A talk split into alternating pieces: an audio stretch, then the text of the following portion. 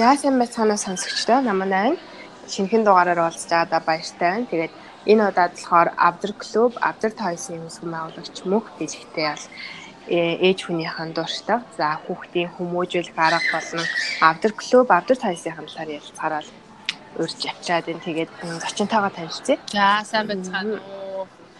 Өөрийнхөө подкастт орж оролцуулсан баярлалаа. Намайг мөнх билэг гэдэг. Одоо нэг хүүгийн ээж. Тэгээд бүгд найрамдах хятад ард улсад амьдардаг. Тэнчэнээс тийм ажиллаа хийгээд авдар клуб хаяа хөтлөд явдаг байгаа. Аа. Өөрөө яг мэрэгжил ажлынхаа бас бас танилцуулаад хүмүүс яг авдар клубээр нь мэдхээс биш яг хой хүний чинь хувьд бас сайн мэдхгүй бах тий. Ахаа. За би 10 жилийн 2006 онд төгсөөд Тэгээд хятад улс руу хятад руу суралцахаар явсан. Тэгээд тэнцээ би архитектурын мэрэгчлэр суралцаад 2013 он 3 он төгссөн байгаа. Тэгээд төгснөхийн дараа мэрэгчлэрээ харах ажил амжаагүй байж байгаа ээж болсон. Тийм тэгээд одоо тэнцээ ажил одоо өөрөө хуваарай юм хийж байгаа гэсэн үг л дээ. Ерөнхийдөө одоо миний хамгийн гол хийдэг ажил маань манай тоглоом. За тэгэхээр яг Авдар клубын талаар бас бид нарт ярьж өгөөч. Анх яг ямар сэтлэр яагаад Авдр клубээ нийжсэн. Тэг яг ямар зорилготой байлаа те бас мэдэхгүй байж нэрэж магадгүй. Аха. За анх жирэмсэн болоод э, ерөнхийдөө би нөгөө жирэмсэн жирэмсэн болоод тэгэл э, шууд л анхны жирэмс болохоор айгу мэдээж анхааралтай хандж байгаа тий тэгэл айгу мэдээлэл уншин тэгээд миний ихэнх мэдээллийн их сурвалжууд орос хэл дээр байсан. Аа монгол хэлээр уншия гэхэлэр надад ерөөсөө бараг олдоц айгу мó нэгдүгээрт хоёрдугаарт олдож байгаа хідэн нийтлүүд нь одоо хоорондоо айгу ижлэхэн утга агуулгаараа. Тэгээд ерөөсөө цаашлаа дараа нь ээж усныхаа дараа судалж яхад ингээд ямар ч чанартай чанартайгаас гадна агуулга нь сонирхолтойгоос гадна одоо ингээд харахад бас тийм урамтай контент э, байхгүй юмсаа санагддаг байсан. Тэгэл харин орос хэл дээр ч юм уусгүй за англи хэл дээр би нэг яаж байгаагүй орос хэл дээр л хвчлээ хардаг ус орос орсуудын дунд одоо одоо навдар клуб шиг иймэрхүү лайфстайл төрлийн блог сайтууд байдаг маш сайн хөгжсөн тийм. Тэгээд тэрнээс үүдэл за би нь энийг бас ингээ хиймэр юм шиг. Тэгэл яг тухайн үед хүүгээ 6 сартаа ахт за нэг тийм хөтөлж эхлэе гэж бодоод хэлж байсан. Аа тэгэхээр яг тэгээд Аз болж тий Аз болж одоо миний санааг Сүдэрцикоми үүсгэн байгуулагч мөнх дэлгэр аягүй дэмжсэн. Би өөрөө ингэж хинт хандхаа мэдгүй ямар сайтын талаар блог бүтгэх талаар ямар ч мэдлэг авахгүй. Тэгээд анх яг зөв хүндээ хандаа зөв хүнээсээ зөвлөгөө аваад зөв хүнээсээ дэмжлэг аваад тэгээд тухайн үед яг хүсэндээ хүссэн хэмжээндээ гоё э, сайтаа нээж чадчихсан тийм. Яг бол яг клуб гэхээр бас яг олон хүний бүрэлдэхүүнтэй ойлгогддог тийм. Тэгэхээр яг өөрөөс чинь гадна бас хид хідэн хүмүүс блогт нь нийтлэл бичдэг юм шиг байсан тийм. Тухайн үед яг хамгийн анх бол бид гуруулаа байсан. Би хоёр найзтайгаа тэгээд тэгэл гуруулаа нэг нэг нь голчлон би бичээд тэгээд миний бичсэн зүйлс дээр хачирлаад ч юм уусгүй бол одоо юу эдит ихэр юу хийгээд засаж засварлаад тий тэгээ сүүл рүүгээ ууг нь клуб гэдгийг ямар зорилготойгоор клуб гэж нэрлсэн бэ тэгэхээр яг хуу тухайн үед би анх энэ сайтыг цаашдаа яаж хөгжүүлэх үү хэр том хэмжээний төсөл одоо прожект болох уу гэдгийг би бодоогүй л байсан л та. Гэхдээ яг хуу зүгээр дотроо хэрвээ ингээд би Монгол очиж амьдраад ингээд яах юм бол энийгээ бүр ингээд яг жинхнээс тийм офлайн клуб болтлоо хөгжүүлэх юмсан л гэсэн мөрөөдөлтэй байсан. Тийм. Гэтэ яг хоо тэгээ тэр мэн биглээгүй ч гэсэндээ ерөнхийдөө нэг тийм хүрээлэл маягийн клуб маягийн зүйл үүсгэсэн юм шиг санагддаг тийм. Одоо яг клубийнх нь үйл ажиллагаа яаж явж байгаа вэ? Яг өөрөө дангаараа хөтлөөл явж байгаа юу? За сүүлийн үед сүүлийн 6 сараас ерөнхийдөө жоохон суларсан миний идэх. Энэ маань миний нөгөө өөр үнцэн ажил одоо ихцнээс болоод яасан байгаа.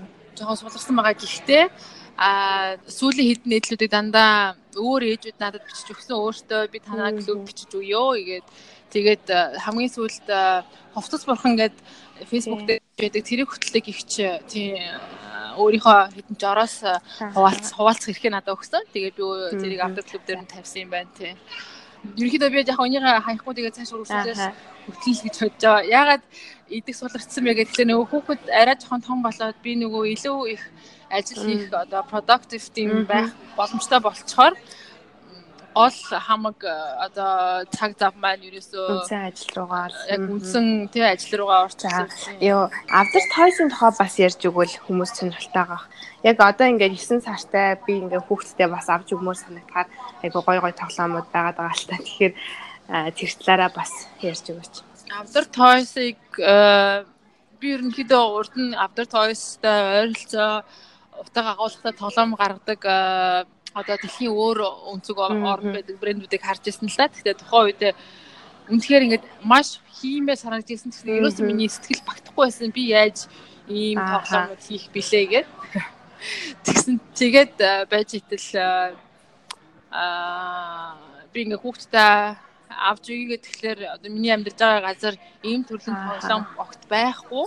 Тэгээд хамгийн анхныхаа тоглоомыг би ойрлоо тоглоомд одоо солонгос солонгоч юм бол ерөө сонгодог тоглоом айгүй олон брэндүүд хийдэг. Тэгээд тэр солонгыг би авч ирсэн гаднаас захиж тэгээд дараа нь манай нөхөр битэр хараад ерөнхийдөө амар тийм боломжийн ийм энгийн тоглоом. Тийм амар сүртэй хэцүү байх юм байна те. Юу ч гэсэн орлоод хойлоо үзье гэдэг. Тэрнээс өмнө хамгийн гол нь манай нөхөр хүүдээ нэг тийм авирдаг тийм жим хийсэн байхгүй модон тэрийг тэр нэг зүйлийг ингээд нэг тийм томоос том зүйлийг өөрөө хийцэн хүн чинь өөртөө жоох ихтэлтэй болсон манай нөхөр. Тэгэл бит хоёр сар болгоо нөхрийнхөө цалингаас баг багаар гаргаж авч байгаа жижигэн жижигэн зүсдэг машин, үр нөгөө үрдэг машин энэ төргээд цуглуулж авсаар байгаа. Жижигэн гараж болтлоо ягаад? Нэг гараж руу нүүж ороо. Тэгэл тэнцэнээс хит хитэн тоглоом гаргаж үзээд подкаст судлаад тэгэл ер нь хийж эхэлсэн. Угаасаа тухайн үед одоо нэг битэр нэг тийм нэг бид бид гурван амьдралч гэсэн нэг тийм үе дээр ирсэн байсан. Ямар нэг өөрчлөлт оруулах хэрэгтэй болсон. Яг нөгөө ажлынхаа хувьд ч тийм ажил орлогын хувьд ямар нэгэн байдлаар өөрчлөлт хийх цаг нь ирсэн байсан. Тэгээд Аа тэгэл бас тухайн үеийн тэр байдал нөхцөл байдлаа нөлөөсөн л доо. Тийм. Тэгэж тэгэж гараажн дээр хийж эхлэв. Тэгээд дараа нь борлуулалт маань гайгүй яваад ирсэн. Тэгээ тэрнээс хойш өөртөө үйлдвэр хайгаад тэгээ тэр үйлдвэртээ нэг нэг хэсгийг нь одоо юу гэдэг төрөсөлж авсан гэх юм уу да. Аа. Тийм тэгээд ажилчин сургаад тийм хэд тэгжил авдаг юу нь төсөөлснөөс нь хэр хэцүү байсан бэ? Ер нь Миний бодлоор яг уу бизнес гэдэг үгнээс нь харах юм бол үйлдвэрлэлийн ямар нэг юм аа жоох юу юм бэлээ? Одоо хөгтөч зохицуулахад айгу зохицуулах асуудал айгу их ихтэй. Ялангуяа нөгөө түүхийд материал худалдаж авахаас гад эхлүүлээд тэгээд жишээ нь одоо нөгөө мод зардаг хүмүүс чинь баг хэмжээгээр зарахгүй шууд одоо тэдэнгүү үбэс эхлээ зарна гэл тэгэн тий. Тэгээд бид хоёр хамгийн анх амар азтай амар гой мод мод аваад тэгээд дандаа тийм байх юм шиг бодцсон. Тэгсэн чинь тэгээд тийм байдгүй юм бэлээ. Дараа нь амар хүмүүс холигтуулсан. Ерөнхийдөө түүхийд эн тэндээс айгүй олон хүмүүстэй тэгэж одоо бараа материал солилцох ажил хийдэг болохоор айгүй болгоомжтой байхгүй болвол тийм. Аа яг тоглоомынхаа түүхий эдийн талаар бас яг энэ ярьсан дээр ярил л те. Энд чинь хүүхдийн тоглох зүйл гэдэг утгаараа эрүүл байх хэрэгтэй гэж яригддаг штэ. Аа. За бид нэр тоглоом тоглоомныхоо модыг одоо бидний хийдэг тоглоомыг зөвхөн одоо энэ төрлийн бидний одоо ашигладаг энэ модоор хийхэд хамгийн тохиромжтой. За энэ модны нэрийг би монголоор хит хит удаа орчуулахад хоёуланд нь даалтун мод гэж э, гарч ирж байсан хитүүдүүд орчуулахад тэгээд энэ мод маань болохоор э, Оросууд Оросууд болон Европ ургадсан байлээ. За тэгээд бид хоёрын хамгийн ойрхон газар бол мэдээж Орос бид хоёр хиттийн одоо Оростой хийлдэг хиттийн э, хот дээр очоод тэнцэнээс мод бэлтгэдэг хүмүүстэй уулзаад тэгээд тэр модоо Оросоос авчирж байгаа. Тийм. За будаг ямар. За будгийн хувьд болохоор Германы Аа Германд үйлдвэрлэдэг. Тэгээд үйлдвэрлэл Германд үйлдвэрлэжээд Орос руу дамжуулж оруулж ирээд тэгээд бид хоёр бас Оросоос нь тэр бүх будгаа татаж авчирдаг байгаа. Яагаад юм бол Германаас шууд татаж авчрах гэхээр бас нөгөө бид хоёрын хэмжээ хитрхий багтаад одоо нэг бас жуултаад гэх юм уу те. Тэгээд шууд Германаас татаж авчрах боломжгүй. Тэгээд Оросоос нь бид хоёр аль биесныхаа нөгөө борлуулдаг хүмүүсээс нь авдаг байгаа. Тэгээ энэ будаг маань болохоор дэлхийн хамгийн эко 5 шилдэг будгийн нэгт орд юм байлээ. Аа Тийм ерөнхийдөө манай түүхий дүүртэг жоохон өндөртэй. Тийм тийм учраас одоо манай тоглоомны үн ч гэсэндээ дунджаас дээгүүр үнэтэй байгаад идэг л та тийм. Тэгэхээр бас сонирхож байгаа ээжүүд байвал хүүхдэрээ тоглуулахад ам хамар одоо амдаа хийдэг ч хүүхд. Тэгэхэд бол ямар ч одоо хоргүй, эрүүл гэж ойлгож байна тийм. Тийм сая 10 сард бид хэд тоглоом лаборатори руу явуулаад тэгээд бүх шинжилгээний хариугаа авсан. Тэгээд тоглоомын нөгөө шинжилгээний юу айгу сонирхолтой ч яг нөгөө уншиж судалж байхад тэр бодгийг модоос хусч аваад янз бүрийн химийн урвалд оруулж шалгадаг юм байлаа. Тэгээд орцгийн шалгана ортонд нь хамгийн гол нөгөө хар тугалаг тэгээд нөгөө нөгөөх нь монголоор одоо бас хэлж мэдэхгүй ямар ч бас нэг хоёр чухал тийм бодисыг шалгадаг юм байлаа. Тэр хоёр илрээгүй тэгээд Европын болон Америкийн стандартад тэнцсэн гэсэн хариу авсан байгаа. Тэгэхээр одоо яг хэдэн нэр төрлийн тоглоом үйлдвэрлэж байгаа юм. За одоо яг сайн тоол яг тэд гэж хэлж мэх ямар ч бас нэг 20 дотор бол байгаа тийм. Аа. Тэгээд зөвхөн Монголдо одоо гаргаж үйлдвэрлэж байгаа юу? Үгүй үгүй. Одоо манай тоглоомын хамгийн гол зах зээл нь хэвтийн зах зээл. Оо за. Тэгээд ерөнхийдөө Солонгос руу хит хит удаа гаргаж үтсэн байгаа. Тэгээд одоо энэ жилээс бид хоёр ингээд тоглоом хийж явах процесст энэ чинь зүгээр л нөгөө гараж гараж нь байж байгаа дараа нь гаражнаас нэг жижиг үйлдвэрлэл шилжсэн тийм хэлбэртэй байж байгаа. Дараа нөгөө борлуулалт эхлээд ирэхээр ялтчгүй бид нарт ингээ албан ёсны бичиг баримт хэрэгтэй болсон. Аа. Тэгээд тэгээд сая шинжлээс өмнө одоо түрүү чи хавар намар их үг юм байна л та. Намар бид хоёр компани байгуулаад Аа тэгээд компани байгуулаад тийм тэгээд нөгөө хэдтийн сайтууд дээр нь албан ёсоо бүртгүүлээ тэгжиж тоглоомынхаа борлуулалтыг айгүйх гаргасан өндөрт одоо айгүйх одоо борлуулалтаа сайжруулсан Аа. За тэрнийхээ хажуугаар бас борлуулалт юугаа амжихгүй л байгаа. Одоо нөгөө зах зээлээ хангаж амжихгүй. Тэгээ дээрэс нь Солонгос руу бас хүмүүс нэг удаа авахтай айгүй хэмжээгээр аваад ддэг болохоор ерөөхдөө энэ жилээс энэ одоо үйлдвэрлэлтэд илүү докторжуулах зорилготой байгаа. Хангаж чадахгүй юм гэдэг тэгэхээр төсөөснөөс бол хамаагүй илүү одоо эрэлттэйсэн байх нь шүү дээ. Тийм яагаад гэх юм бол одоо ерөнхийдөө ингээ анзаараад байхад Тэгэхэд яг ерөнхийдөө иймэрхүү төрлийн тоглоомын тренд айгүй хот явж байгаа байхгүй юу? Тийм. Одоо хүмүүс эцэг эхчүүд өөртөө ч гэсэн ойлгочлаа юм л да. Яг гэх юм бол хүүхдийн сэтгэл зүйчээр хүүхдийн мэдрэлийн эмчнэр айгүйх одоо судалгаагаар баталж байна. Хүүхдүүд ингээд тим тоглоом ингэж нөлөөлөд байна, ийм тоглоом ингэж нөлөөлөд байна. Тэгээд судалгааны үр дүнд нь ямар ямар үр дүн гарч байна гэхээр одоо ихвчлэн их хэсэг хэсэг айгүйх модонд орж исэн нөгөө дуута чимээтэй коноптой гэрэлтдэг одоо харахад ингээд маш ихээр хүүхдийг баясгаж байгаа тийм ааха тийм тийм тоглоомоор одоо тоглох нь илүү хүүхдэд сайн нөлөө өгөө баг үзүүлэлт юм байна. Тэгээд яг яг модон цэвэр байгалийн тэгээд одоо open ended гэж би хэлдэг нээлттэй төрлийн тоглоом ингээ хүүхдийг зөв нөлөөлдөг гэх мэтийн маш их судалгаа явагдаж байгаа учраас одоо дэлхийд ийм тренд гараад байгаа. Тэгээд битүүрийн тоглоом эхэлж байхад хятадд ийм төрлийн тоглоом үйлдвэрлэдэг одоо компани брэнд байхгүй байсан. Аа зааха. Тэгээ тийм болохоор хятадч их нэмдэж өөрсдөө бас дэлхийн тэмдээс хоцрохгүй тийм энэ тэмдээс ингээл хараал судлаад тэгээд тэр хэмжээгээрээ хэрэг хүүхдийнхаа тэр хэрэгцээг хангахын тулд өөртөө хайж судлаа. Тэгээ биднийг хайж болж байгаа хүмүүс маш их байгаа учраас ерөөсөө одоохондоо сайн 100% бол зах зээлийг нь хангаж чадахгүй байгаа. Тийм гэхдээ одоо энэ энэ жилийн эмнэлтээр л сайн анхаарах хэрэгтэй байна. Аха.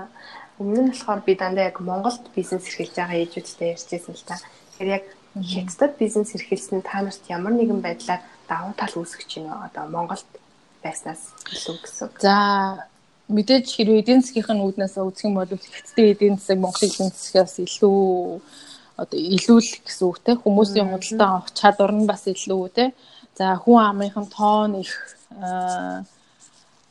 ерөнхийдөө мэдээж одоо хэрвээ Монголд эрхлэх бизнес эрхлэх хятад бизнес эрхлэх хоёрын ялгаа нь юу гэдэг хятад маш хурдтайгаар хөгж хөгжих боломжтой. Яг гэх юм бол хэрвээ одоо Монголд одоо жишээ нь би нэг сарын дотор сая төгрөгийн юм зарах гэсэн бол би хятад тэрийг 3 хоногийн дотор ч юм уу 1-7 хоногийн дотор ч юм уу зарчих магадлалтай. Яагаад гэх юм бол нөгөө хүний хүний тоо гэдэг чинь асар асар чухал үзүүлэлт бизнес. Аа. Тэгээ тийм учраас хамгийн том давуу тал бол тэр тэгээд тэрнээс гадна хятадын онлайн шопингийнх нь одоо бүх цогц үйлчлэг нь маш сайн хөгжсөн. Аа одоо айгүй амар гэсэн үг одоо жишээ нь харилцагчтайгаа хэрэглэгчтэйгээ харилцах тэр хүнд юмыг нь явуулах тий одоо ямар ч лээс Монгол байгаагаас л одоо хамаагүй илүү төгс болж олон өнгөж л онлайн худалдаа бол хөгжиж шүү дээ. Яг цогц утгаараа Монгол гэхдээ одоо Монголд ингээд өөрийнхөө ажилдаг арга барилыг хэсэд ингээд харьцуулахлаар айгүй тийм амар тийм бүр тэнгэр газар шиг ялгаатай. Нь бол хэд дахин хэлбэр байгаа даа юу тий. Тий хэд дахин хэлбэр. Тэгээд ерөнхийдөө хоёр талынх нь аль альных нь одоо эрх ашиг одоо хамгаалсан тийм хоёр талын ашигтай хувилтай ч юм уу тий. Аа манай Монголд би Монгол гэхлээр яг уу манай Монгол талыг хариуцдаг ажилч байхгүй би өөрөө л энийг зохицуулж байгаа. А тийм маа хүргэлтийг манай ах хийждэг байхгүй юу. Тэгэхээр тэгээд манай ах одоо жишээ нь юу гэдэг За би хүргэлтээ ингээд 72 цагийн дотор хийгдэнэ гэдэг баталгаа өгж байгаа. Гэхдээ ерөнхийдөө би энийхээ бол нэг 90% нь хүрдэг энэ хийсэн амлалтанда. А гэхдээ мэдээж манай ах миний албан ёсны гэрээ байгуулад ажиллаж байгаа компани хүн биш учраас заримдаа нэг энэ тийм димийг мартчих ч юм уу те эсвэл бол 72 цагаас хэтрүүлчих ч юм уу тийм асуудал гарахлаар мэдээж хэвлэгч урам дургу байна те. А хятад болохоор иймэрхүү асуудал байхгүй. Яг л тэгээ яг л компани хэлсэн хугацаанд хүмүүс нь ч гэсэндээ өөртөө хүлээгээ сурцсан тэгээд нөгөө юу гэдэг юу арай төвчээртэй бас ханддаг гэх юм уу. Аль хэдийн нөгөө тогтолцоогоо ойлгоцсон учраас тийм тийм тийм. За тэгэхээр яг эмэгтэй хүн бизнес эрхэлж байгаа гэдэг утгаараа бас манай яг ээжүүдэд зөвлөгөө өгвөл юунаас эхлэх үү те бас энэ процедур нь яаж явагдгийг юун дээр илүү анхаарах уу гэдэг талаар зөвлөгөө өгөөч. За би энэ бизнесийг нөхөртэйгээ хамт хийдэг тий. Гэхдээ энэ бүх энэ бүхний эхлэлийг би бол яг ээж болоод одоо миний тэр анх авдар клубыг үүсгэх гэсэн санаа миний өдөржин шинжин дээр интернет цуугаа дээр тоглоомуудыг судалдаг байсан цаг хугацаа тэр бүхэн байгаагүй байсан бол өнөөдрийн одоо энэ тоглоомны бизнес ч байхгүй л ах байсан баг. Тэгээ тухайн үед хамгийн анх энэ бүхнийг эхэлж байхад мэдээж гэр бүлийн дэмжлэг, гэр бүлийн хүнчин ойлгох хамгийн чухал. Яагаад энийг хийж байгаа аа одоо энэ зүйлийг хийхэд нь өөрт нь цаг завыг нь бас гаргаж өгөхөд нь туслах тий. Одоо миний бодлоор гэр бүлийн хүн л ойлгож дэмжих хамгийн чухал. Ямар нэгэн бизнес одоо эхлэхийг нь тавихад хамтдаа хийдэг бизнес болохлээр би одоо бас яг яг юм би дангаараа хийдэг гэсэн бол бас арай өөр л мэдрэмж авах байсан. Тэгээ би хамтдаа хийдэг учраас тий. А хамтдаа хийж байгаа бол хэцүүг нь одоо би ийм зарчмаар ажиллаж байгаа. Хэцүүг нь манай нөхөр амархныг би хийдэг. Аа. Тий. Нэг юм даваас бол тал ингэхүүд тий. Тийм тэр нь илүү одоо харилцаанд илүү амар байдаг л да. Хэрвээ эмгтэн хэцүүг нь хийгээд ах юм бол ямар ч лээсэн буруу. Аа. За тэгвэл яг ээж хүнийхээ нүднээс бас танилцъя те. Хүүхэд нь одоо хэдэн настай лээ? Одоо 3-наас 7 сартай байна. Аа хүүхдийнхаа юу нэг хүмүүжлэлт нь яаж анхаарч юм? Яг ямар арга барил ашиглаж юм? За ерөнхийдөө ингээд ээж болсон цааш одоог болтол одоо хүмүүжлийн хүмүүжлийг ингээ харах харах одоо харцмаа ингээ 2 3 удаа өөрчлөгдсөн гэж би боддог. За хамгийн анх мэдээж төрүүлчихэд надад ямар ч тийм тодорхой ойлголт байгаагүй. Аа. За тэр үед бол тэр үед чинь тэгээ жоохон хамгийн гол нь хүүхдээ зүгээр л ирүүл тэгээд боожгтон л анхаардаг байсан. Дараа нь би Монтсори гэдэг арга барилтай танилцаад аа хэсэг одоо айгу Монтсоригийн фэн байсан. Аа. За тэрний дараагаар нь миний нэг ажигласан зүйл юу вэ гэхээр гинтл ингээд Монтсори Монтсори доод ингээд тасгалыг хийгээд тэр арга барилаар ингээд хүүхд ингээд яг дагаал яваад байгаа байхгүй юу тий? Хүүхд одоо би ямар юм бэлдэж өгөө манай хүүхд тэрийг адилхан хийн. За би бас хүүхдэд ажиглаж байгаа сонирхлынхын даа ямар нэгэн бэлэнгүүт манай хүүхд бас юм тэгэл нэг л өдөр тийм байха болчихсон манай хүүхд аа ямар ч тасгалыг надтай хамт их зүгээр л ингээд өөрөө өөрөө шал өөр зүйл хийгээд тий? Би бараг тэрнээс нь ямар нэгэн дасгал тоглоом бэлтгэхэд илүү их цаг зав зарцуулаад дараа нь хүүхд мө тоглох байхыг харахаар илүү стресстэй. Аа. Тэгээд сүүл рүүгээ ингээ анзаараад би ерөөсөө сонь нэг тийм үр дүн дээр л амар тийм анхаарлаа ингээ төлрүүлсэн. Аа. Тэгэж яаж байгаа зүгээр ингээ зоргоор ингээ хайсан байсан. Ямар ч тийм арга барил марил гэхгүй. Гэхдээ энэ бол зөвхөн дараа нь л би ойлгосон. Энэ бол би зөвхөн хүүхдийнхаа одоо юу гэдэг зөвхөн одоо чадварыг нь л хөгжүүлэх хүмүүжлэлээр би анхаарсан байсан юм байна. Тийм. Аа сүүлд харин одоо сүүлд л ойлгосон зүйл маань юу гэхээр хүүхэд болгоны насанд ямар нэгэн даалгавар байдаг. Одоо жишээ нь 0-оос 6, 0-оос 7 настай хүүхдийн өөрийнх нь одоо юу гэдэг чинь хийх ёстой зүйл нь юу гэхээр дотоод өөрийнхөө дотрыг ингээд илэрхийлж сурах, тэрийг өөрөө таньж мэдж сурах. А түүнээс хүүхдийнхаа би тархийг нь л амар одоо юу гэдэг хөгжүүлэх гээд үзүүлсэн ба. Тийм үзүүлсэн байгаа байхгүй юу. Тэгээд дараа нь ийм иймэрхүү иймэрхүү зүйл олж уншаад хүүхд сэтгэл зүйн номнууд олж уншаад за миний хүүхдэд ерөөсөө тоо мэдэх шаардлагагүй байна. Нэгээс 10 хүртэл тоолох шаардлагагүй. Одоо ч манай хүүхд нэгээс 10 хүртэл зүг тоолж чаддгүй. Гэхдээ би тэрийг тэгээд сүүл рүүгээ нэг тийм монц биш гэд хайцсан. Аа. Одоо одоохондоо ерөөсөө хамгийн анхаарч байгаа зүйл нь хүүхдийн сэтгэл санааны эрүүл байдал.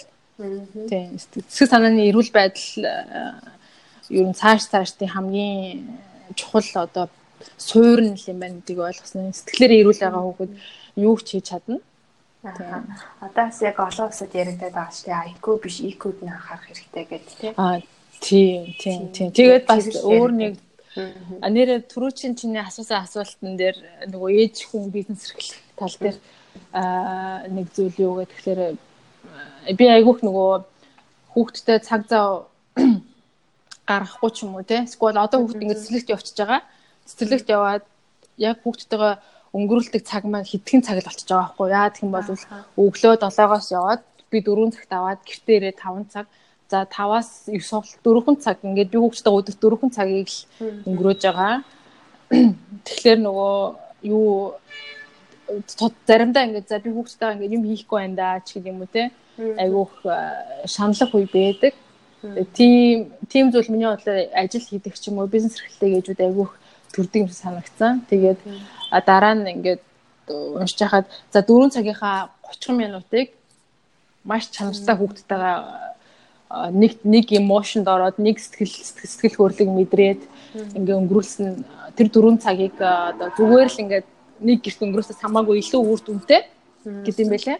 Өнгөрөөсөн цагийнхаа хэмжээгээр биш өнгөрөөсөн чанараа чанараараа тийм чанар нь чухал тийм.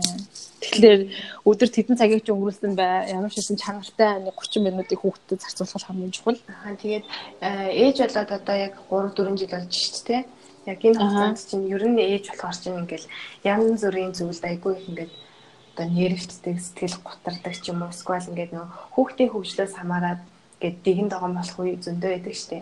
Аа. Ер нь ингээд ээж болох хугацаагаа эргээд харахад манай хүүхдийн яг тэр үе надад айгүй хэцүү санагдчихсан. Тэр үеигээ би ингэж давж исэн ингээд бас манай бусад ээжүүд бас яг ижлэхэн одоо проблем толгойд ижиж магадгүй шүү дээ. Тийм ээжүүдэд маань хандаад зөвлөө бас өөрийнхөө туршлагаар хуваалцсан. Хм манай нэг найз эзэн хүүхэд нь одоо том байхгүй юу? Айгуу том. Тэгээд тэр хэлэхдээ ээж хүний амьдрал дахиж хизээч одоо амар байхгүй тий. надад энэ үг амар үнэн санагдав. Би одоо ингээ бодглохлоор ерөөсөө амар үе гэж ээж хүн байдг байхгүй юу? Байдг юм шиг санагдаад би тэрнтэй айгу санал нийлж байгаа. Хамгийн анх ээж болоход юугаач мэдэхгүй тэгэл дөвөлт хөрцөн ялах биетэй анх хөхүүл сургана, анх тэгэд сурна. За дараа нь хүүхэд алхахад сурна. Энд унахчихгүй юмсан ингээл дараа нь одоо тэгэл тэр тэр явс болгонд нь дандаа л одоо санаа зовж байгаа шүү. За манай хүүхдгээ суухгүй байна даач гэдэг юм уу те. Шүд нь урахгүй байна ч гэдэг юм уу. За бор хоолнд нь би ингэж орууллаа. Тэгсэн ч хүмүүс ингэж оруулдаг гэдэг юм байна ч гэдэг юм. Ингээл энэ тэндээс маш олон харьцуул одоо тэр нь дагаа сэтгэлийн дарамт болдог ч юм уу те. За одоо ингээд манай хүүхд 3 нас 4 7 сартай мэдээж хоолны тал дээр асуудалгүй алхах хөдөлгөөний тал дээр асуудалгүй те хэл ярийн тал дээр асуудалгүй гэтээ одоо эн чинь ингээд ингээд бүхэлдээ хүн болцсон Одоо энэ хүнд энэ хүнгээр миний бүх үйлдэлийг харж байгаа. За би өөрөө тийм амар гэгэрсэн ээж биш үү. Тэгээд заримдаа ингэж мангар үйлдэл мангар үг үг хэлнэ. Тэгэл урд нь бол тэгээ тэрийг нэг амар анзаарахгүй шүү дээ. Одоо бол хүүхд чинь бүх юмыг ойлгочдаг болохоор өөрийгөө хянах хянах дээр л одоо бас айгүй хэцүү. Тийм болохоор надад ерөөс амархан сквал хамгийн хэцүү гэсэн үе байхгүй. Ер нь үе болгон л өөр ингэсэн тийм тэрнтэй л би одоо эвлэрчээд байгаа. Одоо хизээч миний амьдрал гэж амар болохгүй юм байна. Аа. Ямар ч л хүүхд маань өсвөр томрох тусам шин шин ингээл челленжүүд эцэг ихийн челленжүүд гарч ирдэг юм байна. Тэгээд тэрийг л одоо айтайхан л челленж болох нэг айтайхан л дагаад даваад яваад байхад болох юм байна гэж боддог шүү дээ. Аа. Одоо тэгвэл яг ямар челленжтэй? Харин одоо би яг ийм челленжтэй байгаа байхгүй юу? Ерөөсөө ингээд одоо нөхөр битээр ингээд хоёулахнаа байхлаа. Манай нөхөр жоохон тийм нэг марзан тийм талтай байхгүй нэг тийм бөөр сүртэй нөхрүүд байдаг шүү дээ манай нөхөд нэг тийм биш ахгүй айгу тийм одоо насандаа жаха заримдаа хүүхчих ч юм уу зан гардаг тийм. Тэгээд хэл яриан ч гэсэндээ заримдаа ингээд за бүр маш муухан хараалыг хэлэхгүй маа гэхэд одоо хүн амьныг шоглож нэрлдэг ч юм уу. За ямар ч байсан нэг тийм тийм л гар байгаа. Тэгээд одоо ингээд заримдаа нийлээ дундаа орчихлоо манай хүүхд одоо ингээ харахаар мэдээж стрэлбэр очиод одоо ээж аавынхаа энэ байдлыг гаргах юм бол айгу ичмээр тий. Тийм болохоор одоо яг тэр угаасаа одоо 6 нас хүртэл хүүхдээ нөгөө дуурайх нас нь учраас битээр одоо за манай нөхөр яг бид ямар ч би л хувьдаа одоо маш зөвл өөрийгөө л байг хянастай өөрийгөө л байг сайн хянах юмсан нэг зөв үлгэр дуурайлт үзүүлээл гэсэн тийм байр суурьтай байгаа. Тэгээд заримдаа тийм байна болохгүй. Тийм За тэгээд нөгөө өөрийн гэсэн одоо нөгөө хэл ярианд маш сайн хөгжсөн. Тэгээд дээрэс нь өөрийнхөө бодлыг ингээ илэрхийлсэн жоохон хөвгттэй. Тэгээд том хүн чинь ингээ харилцахтаа бас заримдаа айгүй хэцүү заяа. Тэр чинь ингээд бүх зүйлийг сайн ойлгохгүй байгаа хэрнээ хэл яриагаараа одоо ямар нэгэн байдлыг шаардах ч юм уу намайг одоо уурлуулж чаддаг болсон учраас заримдаа тэр уура барьж дийлэх бас айгүй хэцүү тийм. Би бас нэг нэг блог дээрээс нь уншижсэн. Одоо яг нөгөө хүүхэд маань 3 насны синдромтойгоо гэд тэгээд яг ийм ийм хэцүү үед тулгараад гэд даван тулж байгаагаа тухай бичсэн байсан тий. Аа тэгээд яг тэр талаар нь бас уншаагүй ээжүүд байж магадгүй. Одоо энэ 2 насны синдром, 3 насны синдром гэл яриад байгаа яг энэ үед нь хүүхдээ яаж харьцуул өөрт чинь зүгээр санагдсан байна. Хамгийн түрүүнд яаж гэдгээсээ илүү яагаад хүүхд ингэж байгааг надад ойлгох нь одоо миний одоо энэ бүх хандлагыг өөрчилсөн. Юу вэ гэхээр одоо ингээ хүүхд хүүхдэд тулгарч байгаа бүх төрлийн синдром байна шүү дээ. Энэ ямар ямар зорилготой болдог вэ гэхээр ерөөсөө л хүүхдийг ээжээс нь ингээ холдуулах зорилготой байхгүй юу? Яагаад гэх юм бол угаасаа амьдралын замаар бидний хүүхдүүд хизээ нэг өдөр бие даагаад биднээс холдоод бие даагаад амьдраад явна те. Тэгээд энэ бүх процесс чинь яг анх төрхөөс эхэлж байгаа. Төрхийн синдром гэж байна шүү. Ээж хүү ээж хүүхд хоёр нэг бие байж байгаад хүүхэд төрлөө. Ээжээсээ биеэрээ салчиж байгаа байхгүй тий. За тэгээд биеэрээ холдох тусам ээж хүүхд хоёрыг одоо сэтгэлийн холбоо гэдэг зүйл холдож явах ёстой. А энэ сэтгэлийн холбоо баригдахгүй, мэдрэгдэхгүй, тий харагдахгүй. Энийг одоо зөвхөн ээж хүүхд хоёр одоо хоорондоо мэдэрч л чадна. За Тэгээд тэр бүх төрлийн синдром чинь энэ мэдрэмж хэр хүчтэй вэ гэдгийг хүүхдийн зүгээс шалгаад байгаа байхгүй биднээс. Би ээжтэйгээ За би одоо ингээд алхдаг болчлоо. Ээжийнхээ өврөөс буучлаа. За дараа нь одоо манай хүүхд ээжийнхээ өврөөс буус бууссан тэгсэр хөлний хажууд гэдэг тийм одоо үе байна л да одоо хөлний хажууд байнга эргэлдэх те хүмүүс ирлээ гэхэд ингээд нуугдах. За энэ болгон чинь бас л яг тэр одоо жишээ нь хүүхд ингээд сэтгэлээрээ ээжтэйгээ холбоотойгоо дутуу мэдрэх үед буцаад эргээд ээжтэйгээ биеэрээ хамт байхын тулд ингээд эргээд хөлнөөс нь зуралдаад байдаг. Яагаад хүүхд ингээд өнө гэхэлэр хүүхд тэр мэдрэмж нь л одоо алга болох гэдэг байхгүй юу? Тийм учраас синдром болгоныг одоо тэгжил харах хэрэгтэй. Би энэ синдромыг хүүхдийнхаа тэр хүүхэд ээж хоёрынхаа сэтгэлийн холбоог сэв суулгахгүй тул би өөрөө яах ёстой вэ гэдгийг ээж болгон хэрвээ сайн бодох юм бол мэдчихэж байгаа байхгүй мэддэг мэддэг. Тийм тийм болохоор одоо эн чинь 3 насны синдром гэдэг хүүхэд биднийг шалгаж ин дараа нь 7 нас 7 настай үед хүүхд сургуульд ороод бидний хараанаас ингээд гарчиж байгаа байхгүй бүр ингээд тий хүүхэд сургууль дээр ээж нь ажил дээр тэгэхээр тэр хоёрыг холбож байгаа ганцхан хамгийн үн цэнтэй тэр мэдрэмж бол одоо сэтгэлээрээ л ээжтэйгээ холбоотой гэдгийг хүүхд заавал мэдрэх ёстой. Тийм хүүхд тийм хүн чинь л одоо айгүй тийм өөртөө ихтэй тайван тэг юмнаас айхгүй үргэлж тэр ээжтэйгээ холбоотойгоо мэдэрдэг учраас. Бид тэнийг одоо баш тэгж гоё тайлбарч чадахгүй. Ямар ч лээсэн би энэ сэтгэл зүйн талаар ийм юм ном уншаад тэр тэр энэ номны агуулга миний одоо энэ бүх хүүхдийн муу мухаа гаргаж байгаа айр замд ингээ хандах хандлагыг аяг өөрчилсөн. Ер нь одоо бас няра хүүхдийн чинь болохоор яг 3 3 сарын бичлэгтэй тий 3 6 9 гээл тэгжсэн аа. Бүр ингээд улам зайтай болол 2 3 тэгэл өөрөө жийснээр 7 болоо тий. Одоо яг манай хүүхэд 9 сарын дээр яаж байгаа гэл хөл тойроод мөлхөөд идэх байхгүй. Тэгээд нэг офшоо хонжуулаад ганганаж мунгаад хөлнөөс маажаад ингээл тэрүүлэх гэдэг. Яг тэгээд энэ үеийнхаа дараа нь яг нэг чухал юм сурцсан байдаг юм шүү аамал та тий. Тийм тийм тийм. Синдром болгоны дараа хүүхд ямар нэгэн шин чадвар эзэмшсэн байдаг байхгүй. Тэр нь мэдээж синдром дуусангууд шууд илэрнэ гэж байхгүй. Тэгээд бас нэг нэг зөвлөгөөг би хэлмээр байна л да ээжүүдэд. За манай эцэг эхчүүд манай эмээ өвгөнөр одоо ингээ хүүхдтэйгээ ингээ жоохон найл найл найл гэж явгад за бити хүүхд эрхлүүлээд яа гэдэг ч юм уу те. За бити байн байн тэрврээд наа чин тэгээ сурчдгийн одоо жоохон мүлгэж чаддгүй хүүхдийг хүртэл уйлангууд энэ ингээ бүр ингээ сурцсан гэдэг ч юм уу те. Надад энэ би нэг сонсонгод надад амар гонигтай санагддаг. Тэр жоохон хөвгөд ерөөсө хүнийг том хүнийг manipulation хийх тийм боломж байхгүй. Одоо тийм одоо тархинд нь мэдрэлийн системд нь тийм чадвар байхгүй байхгүй юу? Энийг бүр ингээд хүүхдийн сэтгэл судлаач хүүхдийн мэдрэлийн эмчтэр ингээд бүгдээрээ баталсан эрдэмтэд баталсан зүйл. Тэгээ тийм учраас хизээч өөрийнхөө жоохон хүүхдийг уйлуулад битээ болохоор тий. Ямар ч хэцүү байсан үед хамгийн дөрөнд ядаж хүүхд хүүхдэд тэрвэрээ тайвшруулад тий. Тэр хайр гэдэг зүйлийг нь хүүхдээ мэдрүүлээрээ битээ чинь байнга ингэж уйлаад бүр ингэж намайг бүр ингэж сурсан тим хандлагаар ерөөсөө ээж битээ хандаасаа л гэж би айгу хүсдэг. Ялангуяа биднийг одоо ээж автаар амьдардаг хүмүүс айгу хэцүү. Тэгээд хажуудлаас нь тэгээд хацгаад байхгүй наа хүүхд чи сурчлаа шүү.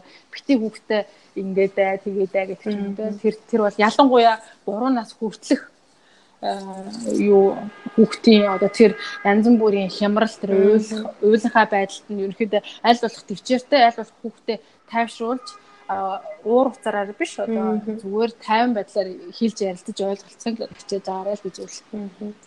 Одоо ер нь хүүхдээ одоо эдэр ясан дээрээ те том болоод ер нь ямар зан характер суудсан байгаасаа ч гэдэм ямар дадал суудсан байгаасаа гэж боддог байх. Одооноос яг тэрийгээ бас ингээд суулгаад явж байгаа бах тий. За э хамгийн миний бодлоор ер нь сургууль одоо одоо гой мэрэгжил гой мэрэгжил эзэмшээд сайн сургууль төгсөөд тий. Тэрнээсээ илүү би хүүхдээ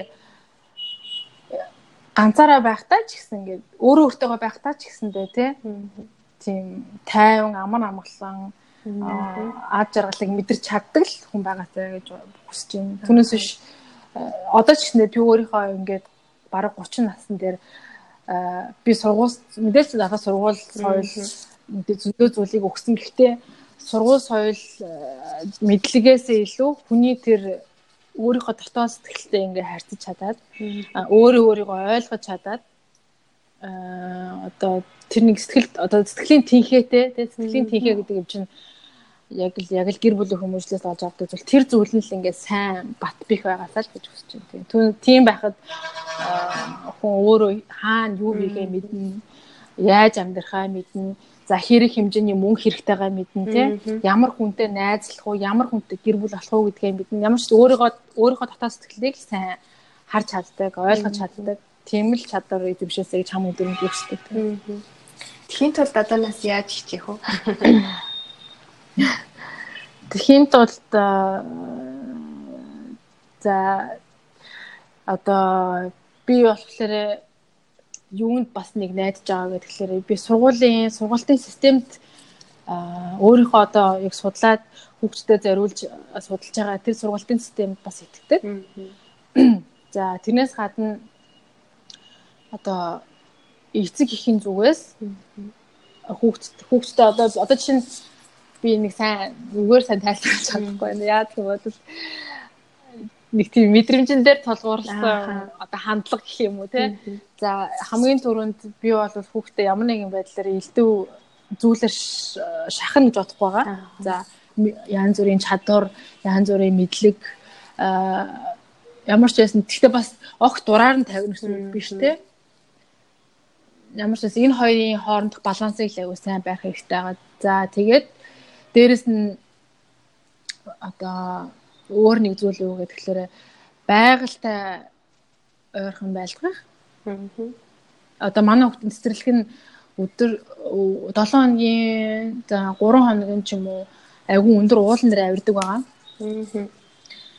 Тэгээд ерөнхийдөө одоо энэ сонгосон цэцэрлэг маань бас хүүхдэд маань тэр чадварыг суулгаж өгөх болов уу гэж бас бодож байгаа. Тийм. Гадны нэг оронд амьдардаг хүмүүс чинь хүүхдийнхаа нөгөө монгол хэлийг яах вэ гэдэг асуудал их тулгардаг юм шиг байлаа л те. Тэгэхээр яг өөрөө энэ дээр яг ямар арга барил ашиглаж байна. За энэ энийг энэ нь бол айгу одоо хүмүүсийн үүднээс айгу жоохон шүүмжлэлтэй сэдвэлтэй. Би энэ тал дээр ямар нэг арга барил арга барил ашиглаад хичээдэг гэж би хэлэхгүй.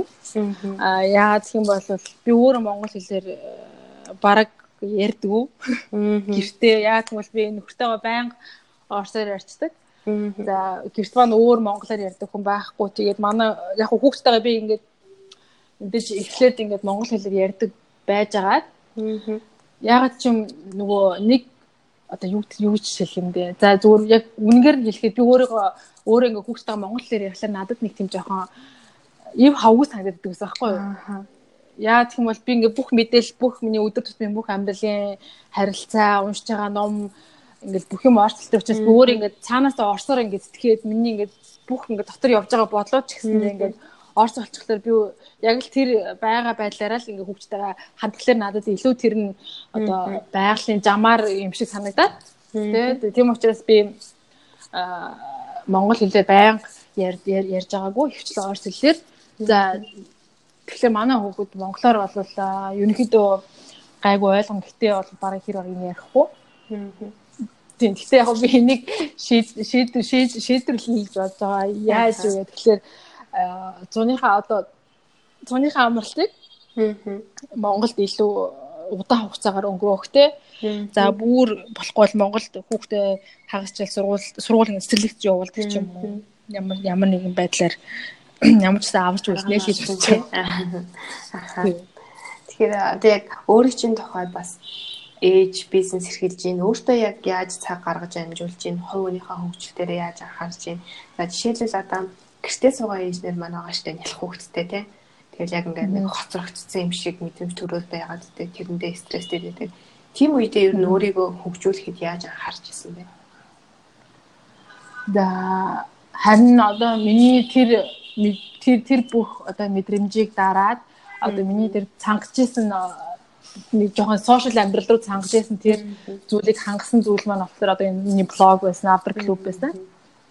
Аа За бид нар ингээд өөрийгөө хөгжүүлэх цаг зав байхгүй гэж ярьдаг те завгүй аим тийм байна. Үнэхээр бид нар тэгж амьдрдаг нь үнэн. Гэхдээ яг л үйлдэл чухал те. Яг яамаар байгаа, яг юугаа хөгжүүлнэ байгаа тэрэндээ л өөрөө үйлдэлээрээ цаг зав байгаа сурч шийдэл те зориглол. Яг шийдэл тийм. За би одоо гизээ арилгамаар юм юу вэ? За өдөрт гизэндээ 30 минут л зарцуул. Тэр чинь зүгээр яг л нөгөө босоод хийх л зүйл ахгүй юу тий. Аа. Тий. Тэр хамгийн одоо юу гэдэг хамгийн хэцүү тий. За өөр одоо ер нь эмэгтэй хүнийхээ зүгээс ч юм ээж хүнийхээ за ээж хүний талаар зөндөө ярьсан чаа. Одоо яг эмэгтэй хүнийхээ зүгээс ээжүүд зөвлөмөр зүйл юу байна? За би яг ээж болол яг бас өөрийгөө мэдээж эмэгтэй хүн гэдгээд зөндөл мэдсэн эмэгтэйлэг байдлыг ч гэсэндээ мэдээж мэдэрчээсэн. Гэхдээ яг ээж усны дараа л надад тэр эмэгтэй хүний яг мөн чанар нь юу юм гэдэг тийм одоо жоохон гүн ухаан маягаас байгуух судалж судалж эхэлсэн. Яагаад гэх юм бол гэр бүл усны дараа, ээж усны дараа, хүүхдээ усны дараа ямар ч лсэн гэр бүлийн харилцаанд өөрчлөлт гарна.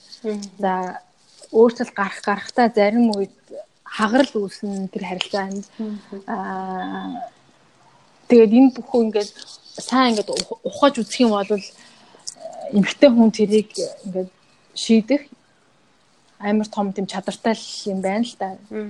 Одоо эмэгтэй хүний тэр эмэгтэйлэг байгаа байдлаас нь эмэгтэй хүн байгаа чадвараас нь л одоо гэр бүлийн тэр аз жаргал, эрүүл харилцаа, үр хүүхдийн эрүүл байдал шалтгаална гэдэг зүйлийг би одоо сүүлийн хэдэн жил ойлгоод за одоо энийгээ байнга судлаад тийм явж байгаа.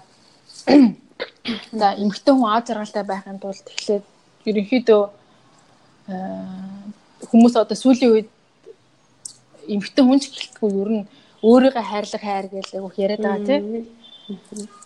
За энэ өөрийгөө хайрлах хайрыг ер нь сайн мөн чанарыг нь юу гэдгийг ингээд би эмэгтэй хүн болгон судлаасаа гүн жоохон гүн гүнзгий хандаад үзээсэй л гэж бодож байна. Тэгээ хүн болгон чи өөр өөрийнхөө хариуг болох бах.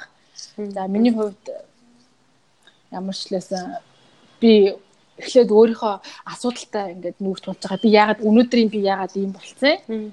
Тийм ягаад тэр эмгтэй шиг байж чадахгүйгаа адилхан эмгтэй хүн би адилхан би хаатай адилхан гоо гоо үзэсгэлэнтэй одоо юу гэдэг адилхан мэдлэг боловсралтай тий миний нөхөр адилхан ийм тийм гээд хэсэг ингээ бодоод үзэхлээр мэдээж бид нар өөр өөртөө ингэсэн асуудлаа тэр өөр өөртөө асуудлыг л хамгийн түрүүнд олно. Осныхаа дараа яаж шийдэх үү? За тэг өөрийгөө хайрлах хайр гэдэг чинь одоо бүр хамгийн хэцүү хайр ахгүй юу? Хүн хүн бусдыг л хайрлах амар амархан. Өөрийгөө л хайрлах хамгийн хэцүү. Тэгээд өдөр болгон биш юм аа гэхэд байнга л одоо нөгөө бясалгал гэж чиний бодож байгаа бүх бодол чинь л бясалгал гэсэн үг гэдэг үгийг би сонсч байсан. Одоо тэгэл миний сүүлийн 2 жил бясалгаж байгаа бодол юм бол энэ л байна. Өөрийгөө хайрлах хайр би эмгтэй хүн би эмгтээлэг байх хэвээр би тийм байх хэвээр тий тэрийг л одоо би бүрэн гүйц тэр хариуг олоог байгаа. Тэгээ ямар ч байсан судлаад явж байгаа. Ямар ч байсан тэр үйлдэл босоол тэр 30 минутыг үүтэ зарцуулах чинь айгүй хэцүү. Тэгээ тэрийг тэгээ хийх хэрэгтэй. Аа. Тэгээд э, ер нь нөхөртэйгээ гэр бүл болоод ер нь хэдэн жил болж байгаа вэ? За бит хоёр аль биес гэр бүлээ батлуулаад 4 жил болж байгаа юм байна. Тэрнээс өмнө бол бас харилцаатай удаан байсан уу? 5 жил болж байгаа юм. Бит хоёр ерөнхийдөө үерхэж эхлээд 10 жил болсон. Одоо 2008 оноос хойш үерхэж байгаа 2008 оноос ирэхэд тэгээд 2014 онд бид хоёр гэрэлтэй батлуулсан юм байна. 2013 онд батлуулсан юм байна тийм. Тэгэхээр нөгөө гэр бүл болоод ингээл эхнэр нөхөр болохоор чинь асуудлууд зөндөө гарна штэ. Янз бүрийн жижиг сажаас эхлүүлээ том асуудалч гарна. Ингээд санал зөвлөлтөй хүмүүстэлцэх асуудал гарна. Тэр үедээ яаж харилцаагаа ингээд халуунаар нь дотноор нь хадгалж авч үлдээд за асуудлуудаа яаж шийдээд гэдэг юм аа. Гэр бүлийнхаа жараас хэлж За аа ерөнхийдөө бид нэр ингээд эрэгтэй эмэгтэй хоёр хүн ингээд тотон харилцаанд орж эхлэхлээр эмэгтэй өөрийнхөө зүгээс өөрийнхөө багтаа харж өссөн гэр бүлийн харилцааны аргаар нөхөртөөгөө харилцдаг. За нөхөр нь ч гэсэндээ яг нөхөр нь ч гэсэндээ өөрийнхөө харсан тэр гэр бүлийн харилцааны арга барилаар их нэртэйгээ харилцдаг. Аа тэгээд би ингээд 6 жил хүүхдтэй болон боллоо 7 жил болон боллоо би өөрөөсөө тэр тал тэр хамтлагаас өөрийгөө харж байгаагүй юм бэлээ. Яаж нөхөртөөгөө харилцаж байгаа юм бэ? Тэгээд дараа нь би хүүхдтэй болсон дараа манай нөхөр одоо намайг ингээл амар уурлал янз бүр болонгууд айгүй олон асуудал гараад айгүй муу муухай асуудал гарангууд ингээд ягаад ч манай нөхрийн хэлсэн үг ч юм уу бол тухайн үед би ингээ өөр бэлэн болцсон байсан ч юм уу ямар ч гэсэн би ягаад ийм ингэж харилцаж байгаагаа өөрөө олж харсан. За энэ бол бас л одоо миний багтаа харж өссөн эмээ өвгийн ч юм уу тэсгүй бол миний эргэн тойронд сайхан эгч нарын ч юм уу одоо тийм харилцааны загвар байгаа хгүй хэлбэр. Тэгэл би за ямар ч байсан маргалдаж сурах юм бол зөв маргалдаж сурах юм бол ингэ ашигтай юм байна гэдгийг ойлгосон.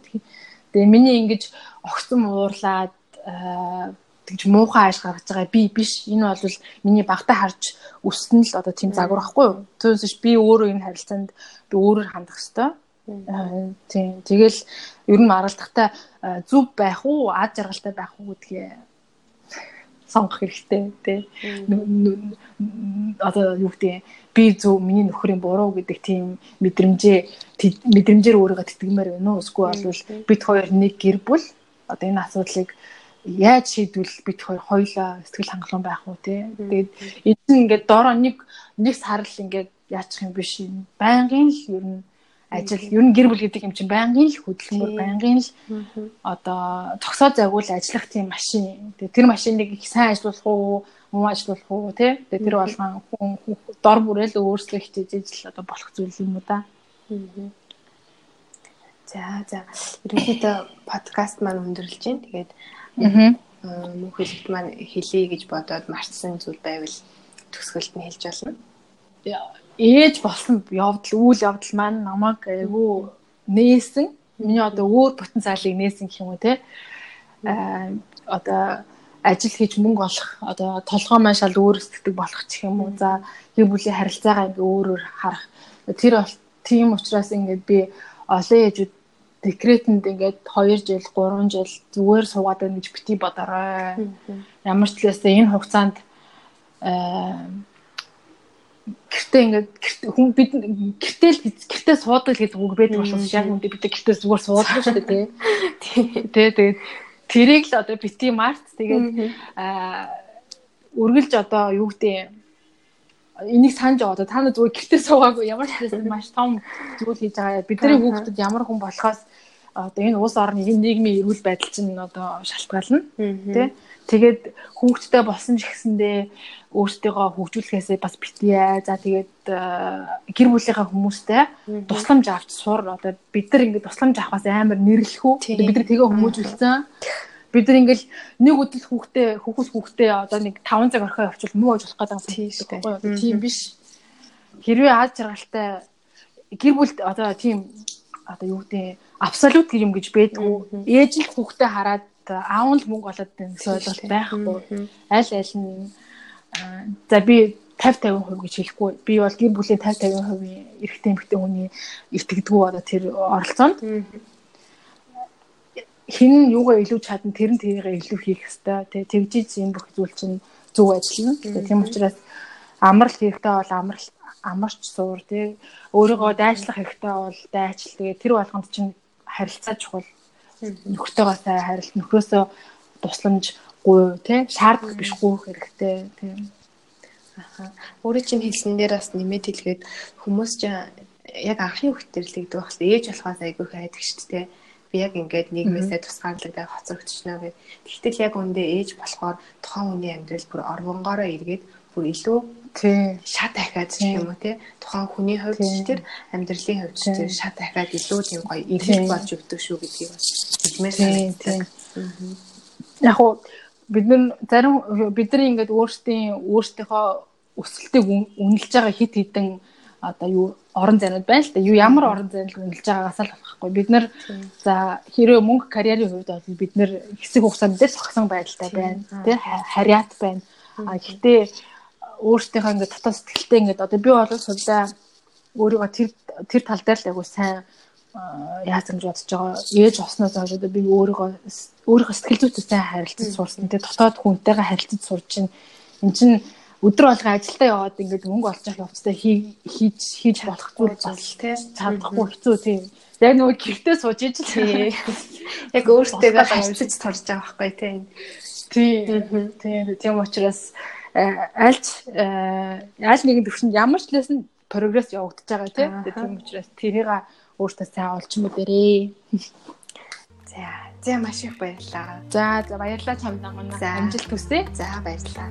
Сайхан яриа өрнүүллээ. Тэгээд сонсогчдоо дараагийн дугаараар уулзсан туг баяртай.